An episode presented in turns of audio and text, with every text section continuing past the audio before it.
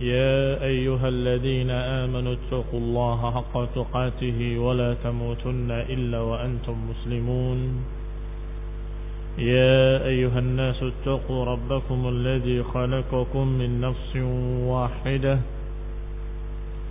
وخلق منها زوجها وبث منهما رجالا كثيرا ونساء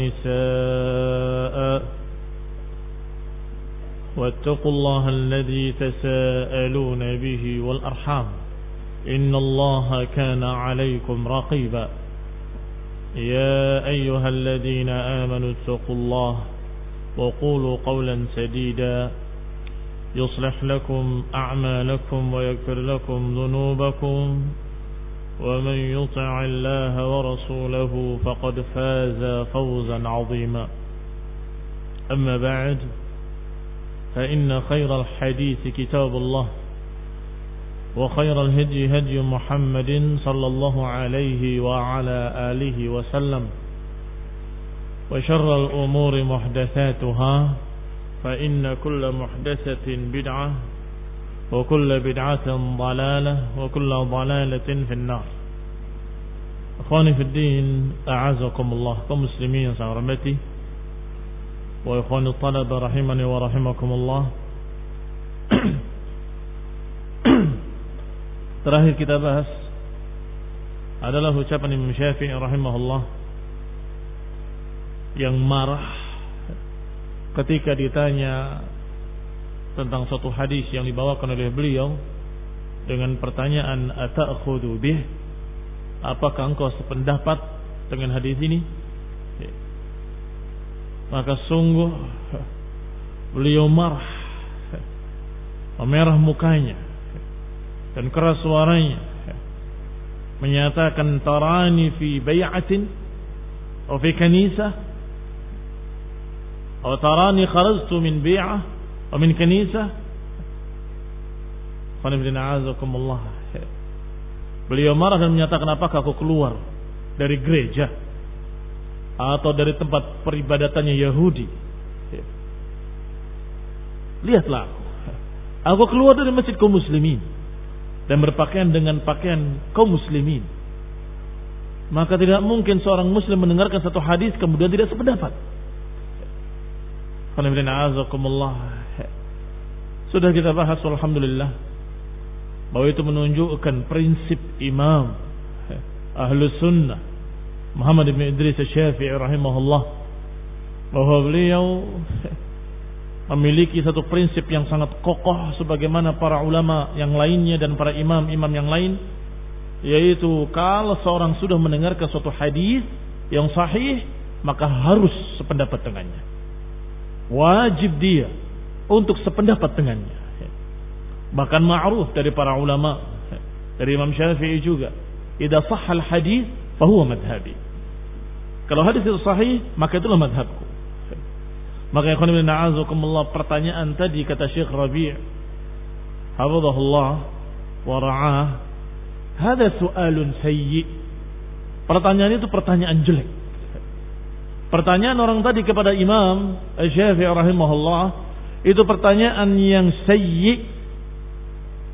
Kathir min al-as'ilati sayyi'ah yajib an yatajannabaha al-insan al-muslim sering kali atau banyak sekali pertanyaan-pertanyaan yang seperti ini.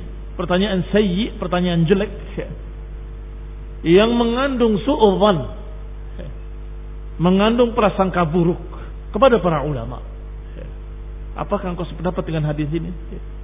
Apakah dikira para ulama tidak memiliki al-iman kepada Rasul atau tidak memiliki prinsip untuk tunduk pada sunnah.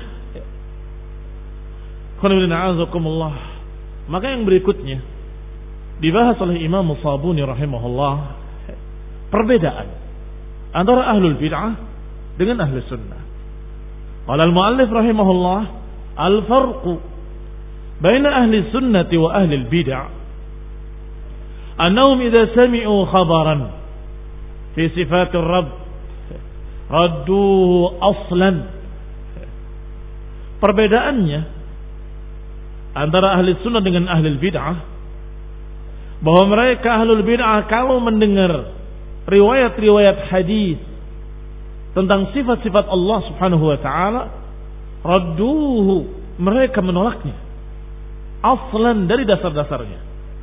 Walam yaqbaluhu dan mereka tidak mau menerimanya thumma ta'awwaluhu bita'wil yaqsiduna bihi raf'al khabar min aslihi mereka ahlul bid'ah kalau mendapatkan hadis-hadis yang sahih riwayat-riwayat yang sahih dari Rasulullah SAW tentang sifat-sifat Allah mereka menolaknya. Mereka tidak mau menerimanya. Dan tidak mau memahaminya ala zahirihi wa ta'awwaluhu dan mereka menakwilkannya kepada makna-makna lain yang tidak dimaksud kepada makna-makna lain yang bukan apa yang dimaksud oleh Rasul sallallahu alaihi wasallam. Apa tujuan mereka? Yaqsiduna bihi raf'al khabar min aslihi. Tujuan mereka adalah membuang, menghilangkan, menolak hadis tersebut. Hanya saja karena sebagian mereka tidak berani menolak hadis terang-terangan, maka mereka akan mengatakan kami terima hadis ini. Tetapi maknanya bukan seperti itu. Maksudnya seperti ini, ditakwilkan kepada apa yang mereka mau. Ditakwilkan kepada makna-makna batil, makna yang tidak dimaukan oleh Rasulullah sallallahu alaihi wasallam. Sebagaimana mereka menakwilkan ayat-ayat Al-Qur'an kepada makna-makna lain yang tidak dimaukan oleh Allah Subhanahu wa taala. Sesuai dengan uquluhum sesuai dengan akal-akal mereka wa ara'uhum dan ra'yu-ra'yu mereka.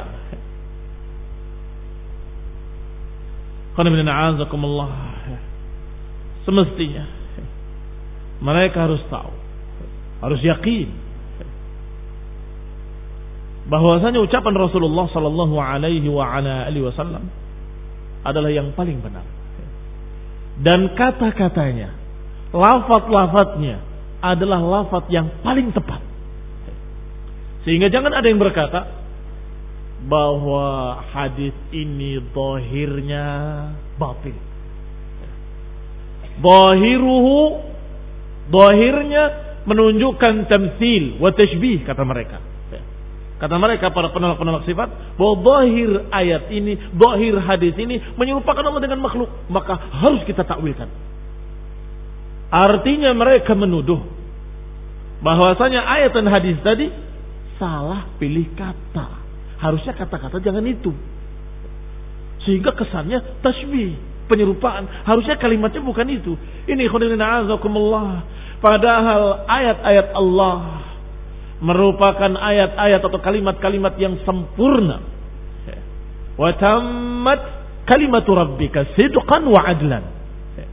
Dan telah sempurna kalimat Allah sidqan wa adlan. Kalau sempurna, maknanya sempurna dari semua sisinya. Filafziha wa ma'naha. Pada lafadznya dan juga pada maknanya. Lafadznya tidak salah maknanya juga sangat jelas. Tidak mungkin ada kebatilan di dalamnya. Benar beritanya, sidqan wa adlan dan adil hukum-hukumnya. Demikian pula ucapan Rasulullah sallallahu alaihi wa ala alihi wasallam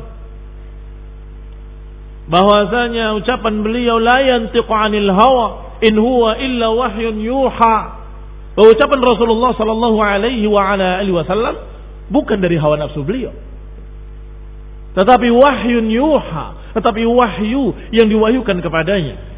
Maka dikatakan oleh Sahabuni rahimahullah oleh Imam wa ya'lamuna haqqan yaqinan anna maqalahu Rasulullah sallallahu fa'ala maqalah. Harus meyakini dengan siyakin yakinnya bahwa apa yang diucapkan oleh Rasulullah memang seperti itu adanya Idh huwa kana a'raf bir Rabbi azza wa jal. Karena beliau oleh salatu wassalam yang paling kenal Allah azza wa jalla. Min ghairi. Paling alim, paling kenal terhadap Rabbnya daripada yang lainnya. Walam yaqul fihi illa haqqan wa sidqan wa wahyan. Tidak diucapkan oleh beliau illa haqqan, pasti benar. Wa sidqan, pasti jujur. Wa wahyan, pasti wahyu dari Allah Subhanahu wa taala. Enggak akan berani beliau berbicara, berdusta atas nama Allah, enggak mungkin berani. Dan Allah sudah mengancam dengan kalimat walau taqawwala alaina ba'd al-aqawil. La akhadna minhu bil yamin Thumma laqata'na minhu al-wasil. Kalau dia berani berdusta atas namaku kata Allah, aku ambil dengan tangan kananku dan aku akan putus urat lehernya. Akan dibunuh oleh Allah Subhanahu wa taala. Tetapi Rasulullah SAW sampai selesai risalah. Sampai ayat terakhir turun al-yauma akmaltu lakum dinakum. Hari ini telah aku sempurnakan bagi kalian agama kalian. Dan itu pun ditawarkan apakah mau dimatikan sekarang atau mau ditunda? Bukan dibunuh barakallahu fikum. Maka ketika Rasulullah SAW menyatakan Ar-Rafiqil A'la Ar-Rafiqil A'la Di antara hakinah wa dhakinahnya Aisyah radhiyallahu ta'ala anha Yang bersandar di dada Aisyah Dan menyatakan dengan isyarat tangannya ke langit Mengatakan Rafiqil A'la Kata Aisyah, "Idzan la yakhtaruna." Kalau beliau, kalau begitu beliau tidak memilih kita. Kalau begitu, beliau tidak memilih kita. Maknanya beliau diberi pilihan oleh Allah Ta'ala. Mau dimatikan sekarang? Atau mau ditunda? Dan demikianlah para anbiya ditawarkan. Maka apa yang diucapkan Rasulullah SAW pasti, pasti, pasti wahyu dari Allah Subhanahu Wa Taala. Dan Allah katakan di ayat sebelumnya, "Wan najmi idha hawa ma sahibukum wa ma. Wan najmi. Allah bersumpah dengan makhluk-makhluknya sekehendaknya. Dan berhak bagi Allah SWT untuk sombong membanggakan ciptaan-ciptaannya. Wan najmi. Kemudian Allah katakan dengan sumpah ma sahibukum wa ma. Sahabat kalian tidak sesat. Wa ma dan tidak menyimpang. Allah dhalla dari dalal. Duddu al-huda. Lawannya huda. Sedangkan gawa dari kata gai. Dan gai lawannya rasyad. Ma dhalla wa ma gawa. Tidak memiliki dalal dan tidak memiliki gai Artinya beliau di atas huda war rasyad. Di atas petunjuk, di atas kelurusan. Ma sahibukum wa ma. Baru kemudian dikatakan wa ma yantiqu 'anil hawa dan beliau tidak mengucapkan dari hawa nafsu. In huwa illa wahyun yuha, melainkan wahyu yang diwahyukan kepadanya. Dan itu Rasulullah sallallahu alaihi wa ala alihi wasallam fi hali ridahu wa fi hali ghadabih. Dalam keadaan ridha, dalam keadaan marah, beliau alaihi salatu wassalam tetap berbicara hak. Sebagaimana diriwayatkan dari Abdullah bin Amr bin Al-As radhiyallahu taala anhuma bahwa beliau berkata, aku menulis semua yang aku dengar dari Rasulullah SAW. Fanahatni Quraisy. Tiba-tiba orang-orang beberapa orang Quraisy melarangku. Wa qalu dan mereka berkata, "Ataktubu kulla syai'in sami'tahu min Rasulillah?" Wa Rasulullah bashar yatakallam fi ghadabin wa ridha. Apakah kalian tulis semuanya dari Rasulullah SAW? Padahal beliau manusia, berbicara kadang marah, kadang ridha. Karena bin kata Abdullah bin Amr bin As, seorang anak muda yang semangat mencari ilmu. Dia menahan, menghentikan tulisannya dan datang pada Rasulullah SAW. Bertanya kepada Rasulullah Sallallahu Alaihi Wasallam. Kata beliau, "Fa'amsattu adil kitab." Maka aku berhenti mencatat semua ucapan Rasulullah. Dan aku sampaikan pada Rasulullah, "Ya Rasulullah, kuntu aktubu kulla syai'in sami'tahu, sami'tuhu mink." Fanahati Quraisy ila akhirih. Maka Rasulullah SAW fa'auma'a bi asbu'ihi ila fihi. Beliau SAW mengisyaratkan dengan jarinya ke mulutnya. Kemudian beliau berkata, "Fawalladhi nafsi biyadih." Uktub. "Fawalladhi nafsi biyadih ma kharaja minhu illa haq." Demi Allah yang jiwaku ada di tangannya. Tulislah. Sungguh demi Allah yang jiwaku ada di tangannya, enggak keluar dari mulut ini kecuali hak. Artinya yang tadi disebutkan fi ghadabin wa ridha. Bukankah Rasulullah SAW mar, kadang marah kadang ridha? Apakah kamu catat semua? Marahnya juga dicatat? Iya. Jawab iya. Kata Nabi dengan isyarat jarinya ke mulutnya fa'auma bi asbihi ila fihi dan menyatakan uktub fawalladhi nafsi biyadi ma kharaja minhu illa haq. Tulislah nggak keluar dari mulut ini kecuali hak. La yantiqu anil hawa. In huwa illa wahyun yuha. Marahnya dan ridhonya, marahnya Rasulullah ilmu. Marahnya Rasulullah sallallahu alaihi wa ala wasallam, ucapannya tetap hak. Jangan disamakan dengan manusia-manusia lain. Jangan disamakan dengan keumuman manusia yang kadang kalau marah melampaui batas. Dan ketika ridha juga melampaui batas.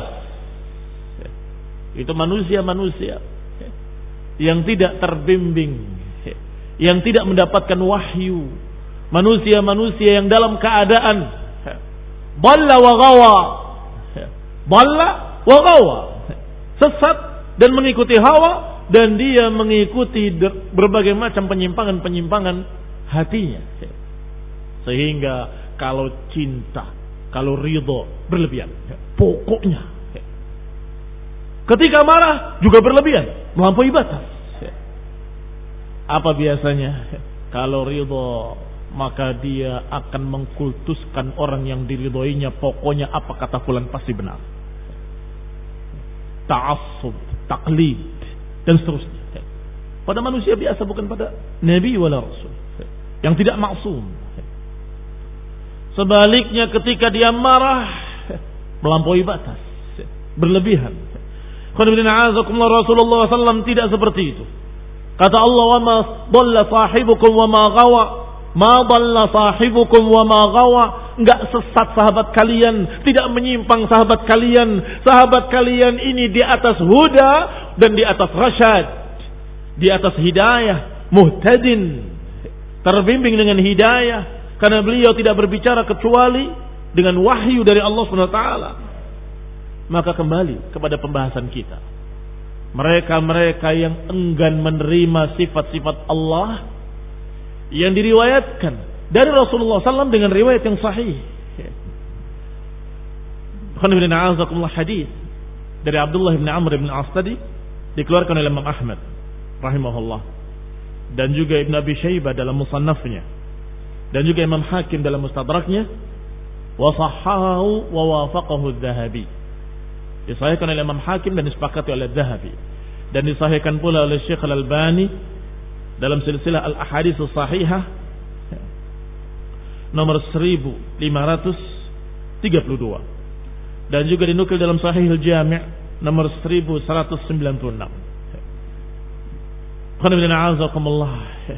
Kemudian dibawakan pula oleh musannif oleh Imam Abu Uthman As-Sabuni rahimahullah. Qala Zuhri Imamul A'immah wa ghairihi min ulama'il ummah. Diriwayatkan dari Imam Zuhri. Dan beliau Imamul A'immah imamnya para imam. Yaitu ucapan beliau yang ma'ruf. Ala Allahil bayan. Wa ala Rasulil balagh Wa alaina taslim. Tiga kalimat. Yang sungguh kalimat emas dari beliau. Dari Allah keterangannya, ilmunya, dan Rasul yang menyampaikannya, dan kita yang menerimanya. Artinya ilmunya dari Allah. Yang menyampaikan Rasulullah, sedangkan kita menerima. Jangan kita menduduki kedudukan Rasul, sok tahu. merasa mendapatkan wahyu, tapi sepertinya yang benar begini. Kamu siapa? Kamu itu manusia biasa yang seharusnya kamu menerima apa yang dibawakan oleh Rasul dari Allah Subhanahu wa taala. Dudukkan dirimu, dudukkan diri kita pada kedudukan yang semestinya. Allahil bayan wa 'ala Rasulil balagh wa 'alaina at-taslim. Dari Allah ilmunya, hukumnya, beritanya, Rasulullah SAW yang menyampaikannya, kita yang menerima. Berarti kita hanya menerima, nggak berhak protes, nggak berhak kemudian menolak dengan akal, menolak dengan perasaan. Syekh Rabi Hafizahullah dalam syarahnya menyatakan bahwa Imam Zuhri lahu manzilatun azimah. Beliau memiliki kedudukan yang sangat mulia, yang sangat tinggi. Karena beliau mengumpulkan sunnah-sunnah Rasulullah, hadis-hadis Rasulullah SAW. Beliau hafalkan, beliau pegang, beliau pelihara. Dan juga riwayat dari para sahabatnya. Jama'aha lahum wa. Dikumpulkan dan dihafalkan. Maka beliau mulia dengan ilmu. Maka kulul muhadithin, maka para ahli hadis setelahnya semuanya merujuk kepada Imam Zuhri rahimahullah. Mengambil dari beliau, meriwayatkan dari beliau, belajar dari beliau. Imamun Jalil. Dan beliau ketika ditanya, Imam Zuhri ketika ditanya, dan pertanyaannya masalah-masalah yang berkait dengan fikih. Na'khud hadis kada, apakah kita ambil hadis yang ini atau kita pegang hadis yang itu? Jawabannya minallahil bayan wa 'ala rasulil balagh wa 'alaina taslim. Pertanyaannya mirip dengan pertanyaan yang ditanyakan pada Imam Syafi'i. Atakhudhu bihi? Apakah kau sependapat dengan hadis ini? Ternyata pernah ditanyakan sebelumnya kepada Imam Zuhri dengan bahasa yang berbeda dengan bahasa yang lebih sopan. Na'khud hadis kada, apakah kita ambil hadis ini? Ini apakah kita pakai hadis ini? Maka jawabannya kaidah. Jawabannya ada kaidah dasar dari kaidah-kaidah ahli sunnah. Bahwasanya Allah yang menyampaikan ilmunya atau Allah sumber ilmunya. Rasulullah SAW yang menyampaikannya kita nerima. Apalagi? Alaina at-taslim wajib atas kita untuk menerimanya. Kata Syekh Rabi Hafizahullah, lihat ditanyakan masalah fikih saja, jawabannya dengan prinsip ini bahwa kita hanya nerima. Kalau ada riwayat yang sahih, ya harus diterima. Apalagi kalau riwayatnya masalah akidah, apalagi kalau riwayatnya masalah sifat-sifat Allah, masalah tauhid, rububiyah, uluhiyah dan asma dan sifat. Tentunya lebih-lebih lagi. Masalah perkara-perkara ahkam syariah Ketika ditanyakan kepada beliau Imamul A'immah, Imam Zuhri rahimahullah, dijawab dengan kaidah bahwa dari Allah ilmunya, Rasulullah yang menyampaikannya. Adapun kita cuma nerima. Nggak boleh kita pilih-pilih yang ini mau, yang ini tidak mau, yang ini saya cocok, yang ini nggak cocok, nggak bisa. Harus terima. Alaina at-taslim. Qal maka kalimat minallahir risalah wa 'ala rasulil balagh wa 'alaina taslim adalah fil aqidah wal ibadah. Fil suluki wal akhlaq. Fil ahkam wal syariah. Fi kulli syai fil din.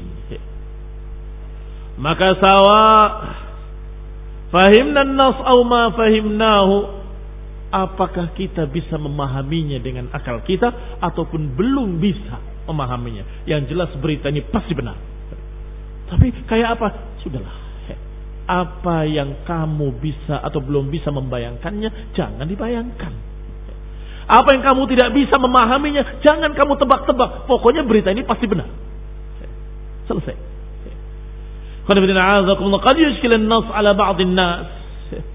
Kadang-kadang beberapa nas-nas ada perkara-perkara yang mungkin sulit dipahami.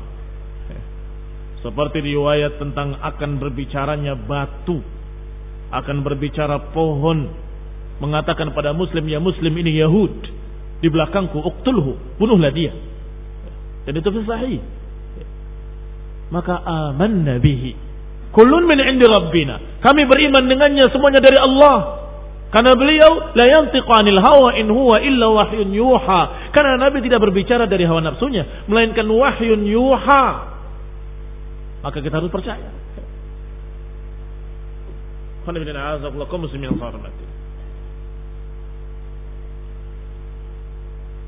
Ini menunjukkan bahwasanya kaidah ini kaidah yang jelas-jelas kebenarannya bahkan disarikan dari ayat Allah Subhanahu wa taala.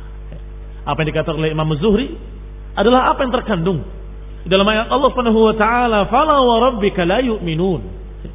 Hatta yuhakkimuka fima shajara bainahum, thumma la yajidu fi anfusihim harajan mimma qadait wa yusallimu taslima."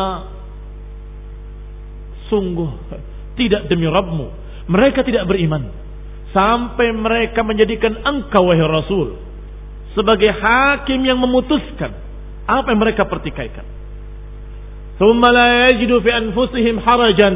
Kemudian mereka tidak mendapati rasa berat di hati mereka untuk menerimanya. Wa yusallimu taslima dan mereka tunduk menyerah. Ya, ini tunduk menyerah pada keputusan Rasulullah sallallahu alaihi wa ala alihi wasallam menerima apa pun keputusan Rasulullah SAW. Kalau tidak demikian, fala wa rabbika la yu'minun.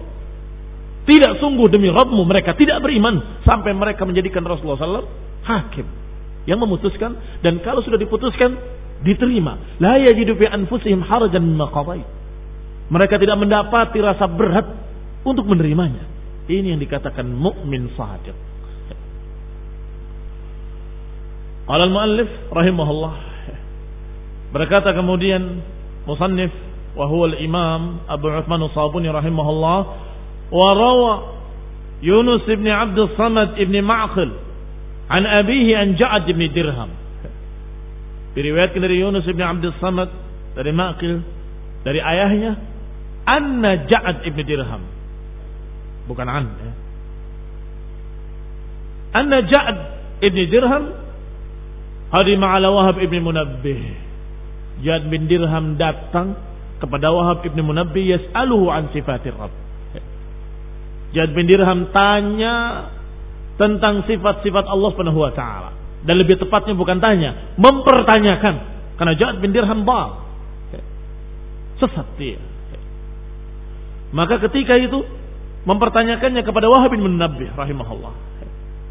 Dan Wahab bin Munabbih min ulama tabi'in Beliau di antara ulama tabi'in yang asalnya dari ahli kitab tetapi beliau menjadi khiyar ulama. Jadi ulama yang istimewa yang terkenal.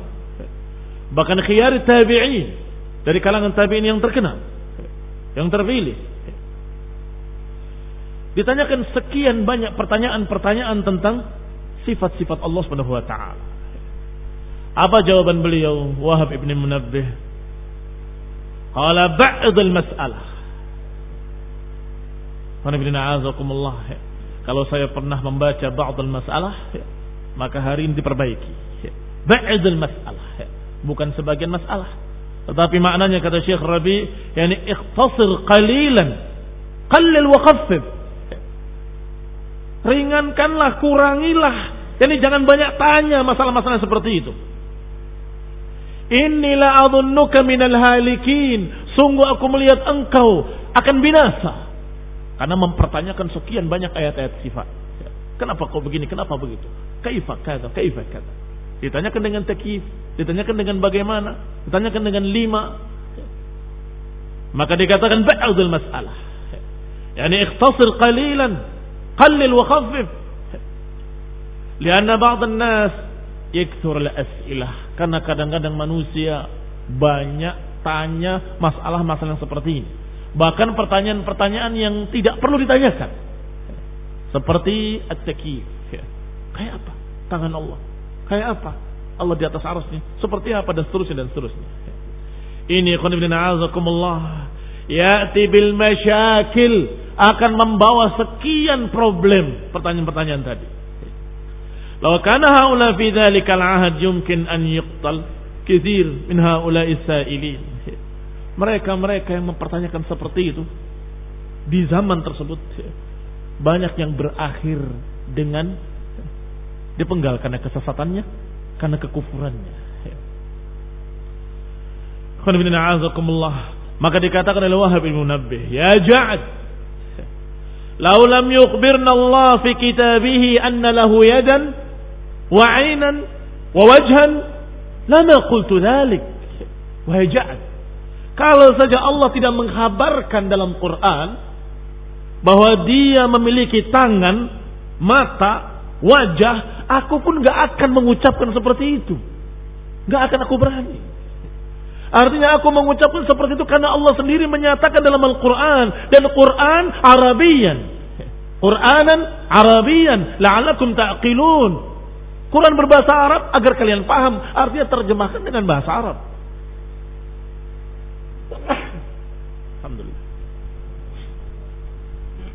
Hadikumullah Tidak akan salah orang yang membaca Al-Quran. Yadullahi fawqa aidihim. Tangan Allah di atas tangan mereka. Enggak salah orang yang membaca Al-Quran. Alhamdulillah. Ma mana'aka an tasjuda lima khalaqtu biyadai. Wahai iblis. Apa yang menghalangimu untuk sujud kepada yang aku ciptakan dengan kedua tanganku. Enggak salah orang yang membaca ayat Allah Subhanahu wa taala, "Ma qadarullah qadrihi." Mereka tidak bisa mengenali Allah sebagaimana mestinya. Wal jami'an qabdatuhu yaumil qiyamah dan bumi seluruhnya dalam genggaman Allah Subhanahu wa taala. Was samawati matwiyatun biyaminih dan langit-langit digulung dengan tangan kanan Allah. Apa salah? Kalau ada orang yang membaca ayat ini. Wah, kamu menyerupakan Allah dengan makhluk karena menyatakan bumi dalam genggaman Allah, karena menyatakan langit digulung dengan tangan kanan Allah. Ayat Al-Qur'an. Wal ardu jami'an qabdatuhu yaumil qiyamah. Wa samawati matwiyatun bi yaminih. Bagaimana kalau membacakan hadis? Rasulullah SAW bersabda, "Wal qulub baina usba'aini min asabi'ir rahman." Bahwa hati-hati manusia di dua jemari Allah. Apakah salah? Oh kamu sesat. Cuma mengatakan qala Rasulullah sallallahu alaihi wasallam dalam riwayat yang sahih. Maka jawaban Wahab ibn Munabbih juga kaidah. Kaidah yang sangat mendasar. Kalau tidak ada ayatnya, aku pun nggak akan ngomong, nggak akan berani. Kalau nggak ada dalilnya dalam Quran, lama qultu dalik. Aku nggak akan mengucapkan seperti itu. Ya ini Allah walladzi qala hadza. Makna ucapan beliau bahwa Allah lah yang menyatakan seperti itu dalam Al-Qur'an. Anna lahu yadan, anna lahu ainan, anna lahu wajhan. Sekian banyak kalimat wajah Allah, wajah Allah, wajah Allah. Sekian banyak ucapan Allah fa innaka bi ayunina. Engkau di bawah pengawasan mata-mataku kata Allah. Lianna hadza amrun ghaibi. Karena perkara ini perkara-perkara gaib yang nggak mungkin bisa dicerna dengan panca indera kita. Kita tidak melihat zat Allah. Kita tidak mendengar langsung suara Allah. Kita tidak bisa meraba dengan anggota badan kita. Tidak bisa. Berarti berita tentang Allah tidak mungkin kita dapatkan dari akal nggak mungkin kita dapatkan dengan panca indera. Nggak ada sumber lain kecuali dari Allah. Dan karena tidak mungkin kita langsung dari Allah, maka mesti dari Rasul yang diutus oleh Allah. Kan demikian. Maka kembali pada ucapan Imam Zuhri rahimahullah. Minallahi risalah. Dari Allah risalahnya. Beritanya dari Allah. Wa ala rasulil balag. Rasulullah cuma menyampaikan. Wa alaina taslim. Kita cuma nerima. Apa hak kita? Untuk menyatakan itu maksudnya begini, bukan begitu. Tahu dari mana? Apakah kamu dapat wahyu bahwa maksud saya kata Allah adalah ini? Dari mana tahunya? Kalau tidak ada wahyu yang turun kepadamu, maka ucapkan Wallahu taala a'lam. Allah menyatakan demikian. Selesai. Sampaikan apa kata Allah, selebihnya Katakan Allah yang lebih tahu. Apa yang diberitakan oleh Allah sampaikan apa adanya. Dan apa yang tidak diberitakan oleh Allah kita katakan Allah yang lebih tahu, kita tidak tahu. Fanahnu ahli sunnah kata Syekh Rabi, hafizahullah, nahnu ahli sunnah nastaqbil. Hadhihi an-nusus bil والتقدير على أساس أنه لا مشابهة ولا مماثلة أبدا maka kita ahli sunnah harus menerima nas-nas tadi dalil-dalil tadi dari Quran was sunnah menerimanya bil ihtiram wa takdir dengan penuh penghormatan, menerima dengan penuh pemuliaan bahwa ini dalil dari Allah. Ini ucapan Allah dalam Al-Quran dan ini ucapan Rasulullah dari Allah wahyun yuha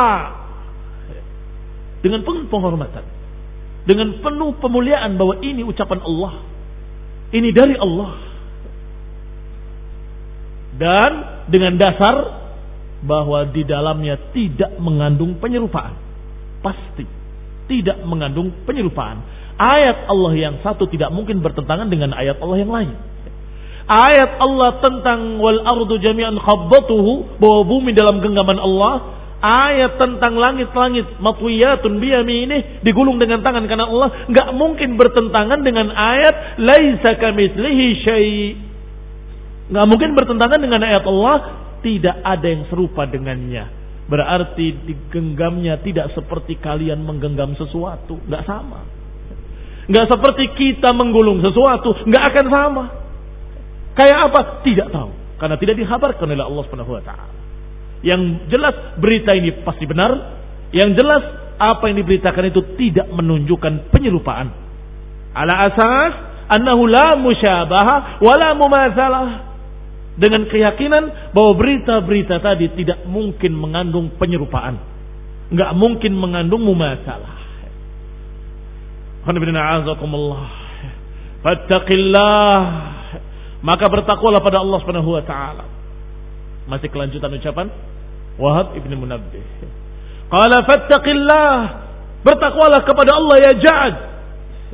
Kalau aku tidak mendengar ayat-ayat Allah yang menyatakan bahwa dirinya punya tangan, punya wajah, punya mata, kami pun gak akan menyatakannya, gak akan berani mengucapkannya. Fattaqillah, takutlah engkau kepada Allah. Sudah dinasehati demikian oleh Wahab bin Munabbih. Ternyata asharra, ternyata dia israr, terus dalam keyakinan-keyakinan batilnya. Thumma lam yalbas ja'ad an qutila wa suliba maka tidak berapa lama Jad bin Dirham dibunuh dan disalib. Qatalahu Khalid ibn Abdullah al-Qusari. Dibunuh oleh Khalid ibn Abdullah al-Qusari. Sebagaimana dikisahkan oleh Musannif rahimahullah. Khalid ibn A'azakumullah. Khalid ibn Abdullah al-Qusari sebagaimana ulama-ulama Bani sebagaimana penguasa-penguasa Bani Umayyah yang lain punya kebaliman-kebaliman, punya berbagai macam kesalahan-kesalahan sebagaimana terjadi pada Bani Umayyah yang lain. Tetapi kelebihan mereka adalah mereka selalu menumpas kebidahan-kebidahan yang muncul. Maka Allah kokohkan kekuasaan mereka. Allah kokohkan khilafah mereka sampai di masa Marwan maka masuklah kebidahan dan kemudian didukung oleh penguasa maka hancurlah khilafah Bani Umayyah berganti berganti dengan penguasa yang lain dan yang dibunuh karena kesesatannya menolak sifat-sifat Allah bukan cuma Ja'ad bin Dirham masih ada juga tokoh lain yaitu Ghailan Al-Qadari. Ghailan ini tokoh yang pertama mencetuskan pemikiran Qadariyah, menolak takdir.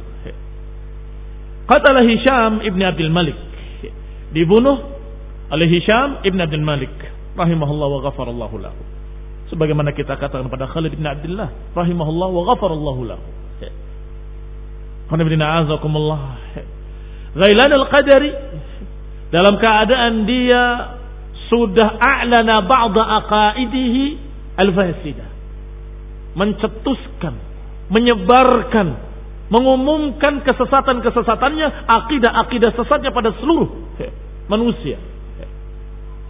Di antaranya inkarul kalam, tidak percaya kalau Allah memiliki sifat kalam, tidak beriman kalau Allah berbicara, maka dia tidak percaya kalau Quran itu ucapan Allah. Dan mengingkari pula al-khullah. Bahwa Allah tidak mengambil Ibrahim sebagai khalil. Dan tidak mengambil Rasulullah SAW sebagai khalil. Dan juga mengingkari qada wal qadar. Ghailan al-qadari. Sudah diperingatkan sebelumnya oleh Khalifatul Rashid. Khalifah Umar Ibn Abdul Aziz rahimahullah. Ketika diperingatkan, diancam, dia mengesankan seakan-akan dia taubat. Atau mengesankan kalau dia tidak mengatakan seperti itu. Aku nggak mengucapkan demikian. Maksud aku bukan begitu. Bela diri, berdusta, dan menyatakan aku sudah mencabut ucapanku kalau memang salah, aku cabut ucapanku. Tetapi Umar bin Abdul Aziz merasa bahwa ini orang belum jujur. Sehingga dia berkata dengan kalimat. Kata Umar bin Abdul Aziz, "Nakiluka ila zahirik. Fa in kunta sadiqan fadak. Wa in kunta kadiban sallallahu 'alaika man yaqtuluk." Kata Umar bin Abdul Aziz, "Aku serahkan engkau pada pengakuanmu yang zahir. Kalau engkau jujur, ya sudah, selamat kamu. Wa in kunta kadiban, kalau ternyata engkau dusta sallallahu alaika man yaqtuluk. Kalau engkau dusta, niscaya Allah Subhanahu wa taala akan menimpakan pada dirimu orang yang membunuhmu. Akan Allah kuasakan atas dirimu orang yang akan membunuhmu. Ternyata di masa kekuasaan Hisham ibn Abdul Malik, orang ini berbicara lagi Ternyata di masa Hisham ibn Abdul Malik, a'lana madhabahul fasid. Dia mengiklankan kembali, mengumumkan kembali ucapan-ucapan rusaknya. Faqatalahu Hisham ibn Abdul Malik. Maka dibunuhlah oleh Hisham ibn Abdul Malik. Sebagaimana orang yang bersamanya juga dibunuh saat itu seorang yang bernama Saleh. Saleh yang tidak saleh. Saleh yang taleh. Keduanya dibunuh. Tetapi Hisham ibn Abdul Malik setelah membunuh dua orang ini, hatinya agak gelisah. Nadim menyesal, kenapa kok saya bunuh? Mungkin kalau saya tidak bunuh, mereka akan taubat atau atau gelisah. Kegelisahannya ini disampaikan kepada seorang ulama dari kalangan tabi'in, bahkan kabir tabi'in. Itu Raja Ibni Haywah rahimahullah. Raja Ibni Haywah. Ketika disampaikan kepada beliau, maka beliau berkata membesarkan hati Amirul Mukminin, membesarkan hati Khalifah Hisham Ibn Abdul Malik. Qal balagani ya Amirul Mukminin annahu waqa fi nafsika syai' min qibal Ghailan wa Salih. Sampai kepadaku berita, wahai Amirul Mukminin, bahwa engkau terjadi sesuatu dalam hatimu, kegelisahan, karena engkau membunuh Gailan dan Saleh. Fawallahi, laqatluhuma afdal min alfaini min rumi wa Turk. Sungguh, demi Allah, membunuh keduanya lebih afdal daripada membunuh dua ribu pasukan Romawi atau pasukan Turki. Waktu itu Turki masih kafir pasukan kafir dari Romawi dan pasukan kafir dari Turk. Ini barakallahu fikum seorang alim tabi'i. Seorang alim dari kalangan tabi'i, Raja Ibn Haywa. Rahimahullah. Ketika khalifah gelisah dengan sikapnya membunuh dua orang tokoh sesat yang mengkafirkan atau menyesatkan sekian banyak manusia dengan pemikiran-pemikiran sesatnya, Dikatakan sungguh membunuh keduanya lebih afdal daripada membunuh 2000 pasukan Romawi. Kaum muslimin yang saya hormati. Wa min huna yaqul salaf. Dari sinilah berkata sebagian para salafus salih bahwa ahlul bid'ah adarru alal islami minal yahudi wan nasara. Bahwa ahlul bid'ah lebih berbahaya dan lebih membuat madarat daripada Yahudi dan Nasrani. Qalahu adadun min a'immah diucapkan oleh sekian banyak ulama para imam-imam ini bukan ucapan si fulan dan si fulan yang hari ini berbicara bukan tetapi ucapan para imam-imam disebutkan minhum Ibnu Aqil wa syaikhuhu dan gurunya Abdul Fadl Al-Hamadani. Dan juga diucapkan oleh Ibnu Jauzi dan diucapkan pula oleh Syekhul Islam Ibnu Taimiyah rahimahullah. Bahkan diucapkan pula oleh Imam Syaukani rahimahullah dalam tafsirnya. Bahwa beliau berkata inna ahlal bid'ah adarru 'ala al-islam min al-yahudi wan nasara. Bahwa ahlul bid'ah adarru 'ala al-islam min al-yahudi wan nasara demikian keadaan para ulama salaf demikian keadaan para imam-imam ahlus sunnah Berapa tokoh-tokoh mubtadi' dal yang dibunuh? Apakah dibunuh karena merusak, menghalalkan darah kaum muslimin seperti khawarij? Diperangi oleh Ali bin Abi Thalib radhiyallahu taala anhu.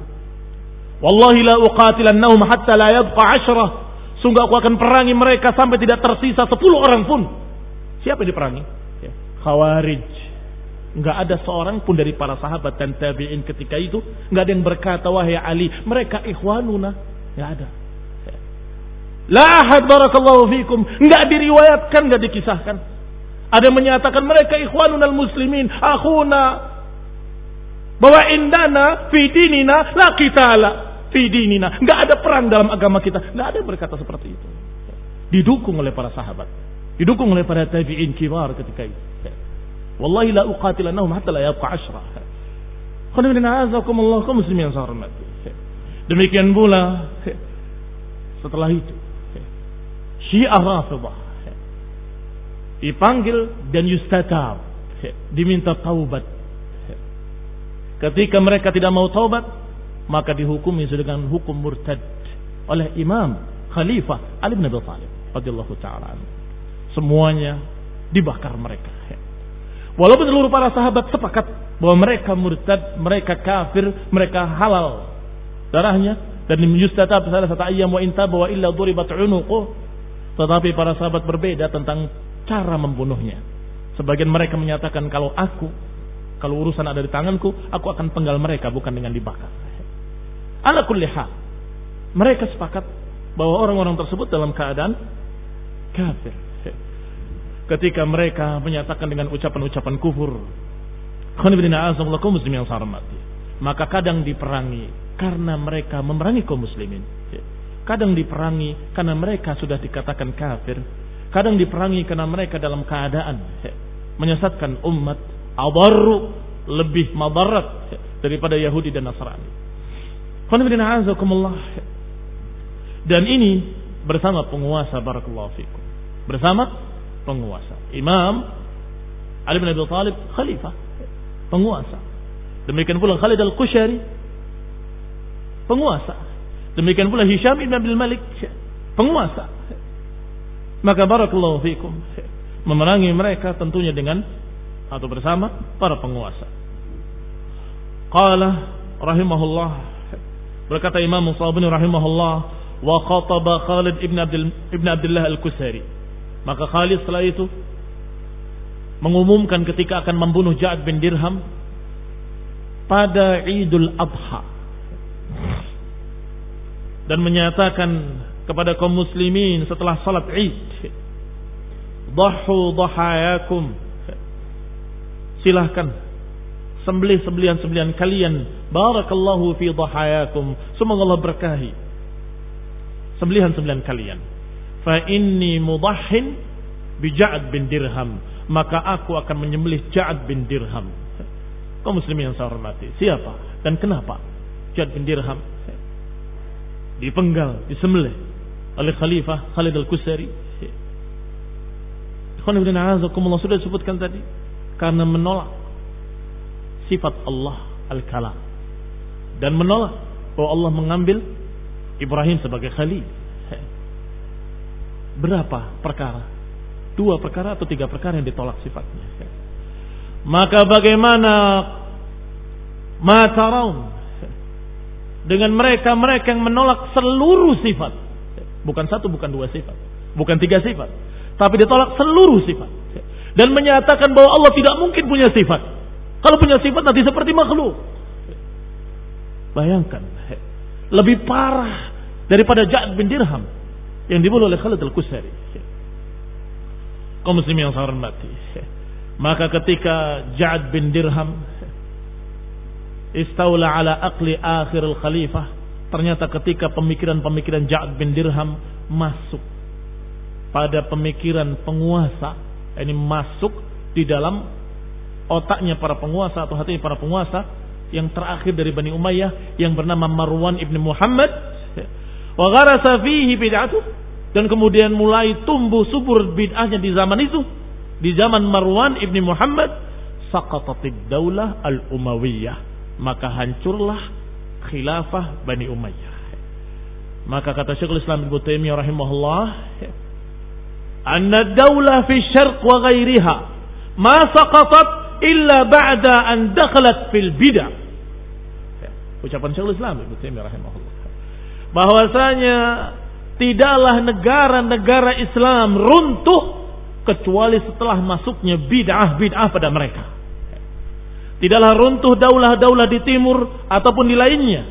Kecuali ba'da anda khalat fil bid'ah. Kecuali ketika kebid'ahan sudah masuk pada mereka. Maka hancurlah kekuasaan mereka. Hancurlah khilafah mereka. Demikian ikhwan azakumullah. Apa yang dibawakan oleh Syekh dengan ringkas dari Syekh Rabi sebagai syarahnya Qala fama baluka biman yu'attil sifat Allahi kulliha. Maka di akhir pembahasan kata Syekh Rabi bagaimana pendapat kalian dengan orang-orang yang menolak sifat secara keseluruhan? Bagaimana pendapat kalian dengan mereka-mereka yang mengingkari sifat-sifat Allah, mengingkari ayat-ayat Allah, tidak beriman dengan kelengkapan dan kesempurnaan Al-Qur'an. Ila akhirih tetap dianggap sebagai tokoh, tetap dianggap sebagai imam lil asati syadid. Kama huwa sya'an fi ru'usil jahmiyah. Seperti keadaannya tokoh-tokoh jahmiyah, tokoh-tokoh mu'tazilah, tokoh-tokoh khawarij, dan tokoh-tokoh rawafid syiah. Demikian ikhwanuddin azakumullah. Yang demikian barakallahu fikum menunjukkan betapa lemahnya kita hari ini menyikapi mereka. Belum apa-apa. Belum sepersekiannya menghadapi ahlul bid'ah. Tapi sudah dikatakan keras. Sudah dikatakan ekstrim. Sudah dikatakan melampaui batas. Sudah dikatakan hulu. Padahal kita lihat tadi. Riwayat-riwayat dari mereka para imam-imam. Bahwa membunuh dua orang tadi afdal. Lebih afdal daripada membunuh dua ribu pasukan Romawi. Terakhir diucapkan oleh beliau oleh Syekh Rabi dalam syarahnya berkata ulama ul muslimin para ulama berkata man dhalla min ulama ina fa fihi syabahun bil yahud orang yang sesat dari ulama kita atau orang-orang yang berilmu kita maka mirip dengan Yahudi. Punya ilmu tapi sesat. Tidak mengikuti ilmu yang diketahuinya. Wa man min ubadina dan yang sesat dari ahli, ahli ibadah kita maka mirip dan menyerupai Nasara. Yang sesat dari ahli ibadah kita. Beribadah beribadah dengan semangat tapi tanpa ilmu maka sesatnya seperti Nasrani. Mamballa min ulama'ina fa fihi syabahun. Min al-yahud wa man dhalla min ubadina fa fihi syabahun bin nasara. Wallahu taala a'lam. Taufiq wal afiyah. Subhanakallah bihamdika la ilaha illa anta astaghfiruka wa atubu ilaik Wassalamualaikum warahmatullahi wabarakatuh.